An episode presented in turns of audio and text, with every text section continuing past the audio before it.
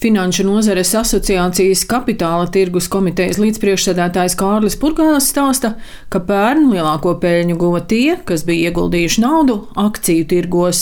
Tie uzkrājēji, kuru uzkrājums ir ieguldīts vairāk akciju tirgos, protams, lielāku peļņu guva pagājušā gada laikā, bet arī pozitīvi ienākumi bija tiem uzkrājējiem, kuriem ir mazāka riska investīcija stratēģija un ieguldījumi ir veikti obligācijās vai uzņēmumu parāda instrumentos, ņemot vērā to, ka centrālās bankas diezgan strauji palielināja procentu likmes, arī obligācijām šie ienesīgumi ievērojami pieauga. Svetbanka ieguldījumu pārvaldes līdzekļu pārvaldnieks Oskars Briedis skaidro, ka pēdējo desmit gadu laikā finanšu tirgos Galveno lomu spēlē ASV.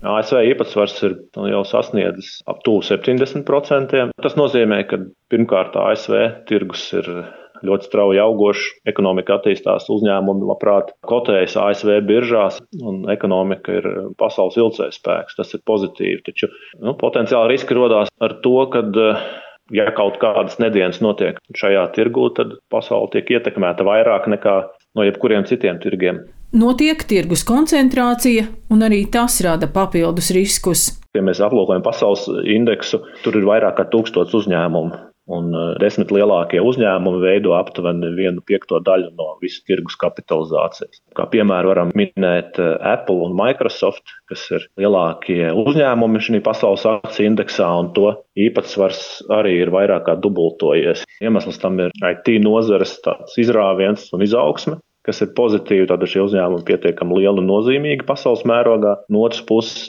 ja piemēram nu, peļņas rādītāji kādam no šiem uzņēmumiem pasliktinās, tas var diezgan būtiski ietekmēt arī jau visu pasaules akciju tirgus rezultātus. Kas jādara iedzīvotājiem, domājot par pensiju uzkrājumiem?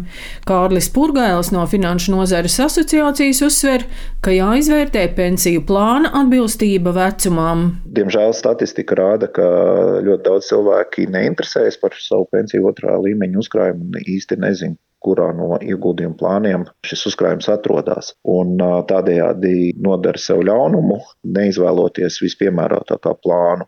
Jo jaunāks cilvēks, jo lielāku akciju īpatsvaru savam ieguldījumam vajadzētu izvēlēties, tuvojoties pensionēšanās vecumam, pēdējos piecus gadus, tad jau vajadzētu izvēlēties konservatīvākus plānus, kas neiegūda uzņēmumu akcijās, lai izvairītos potenciālā svārstīguma. Obligācija ieguldījumi ir stabilāki, taču ar mazāku ienesīgumu. Svetbanka ieguldījumu pārvaldes līdzekļu pārvaldnieks Oskars Briedis stāsta, ka finanšu tirgi svārstās un līdz ar to mainās arī pensiju plānu ienesīgums. Nu, ja mēs atskatāmies kaut uz pēdējiem pieciem gadiem, tad uh, mums bija gan arī Krievijas iebrukums Ukrainā, gan arī Covid. Teiksim, tādi divi gadi bija no pieciem ar lielākiem satricinājumiem.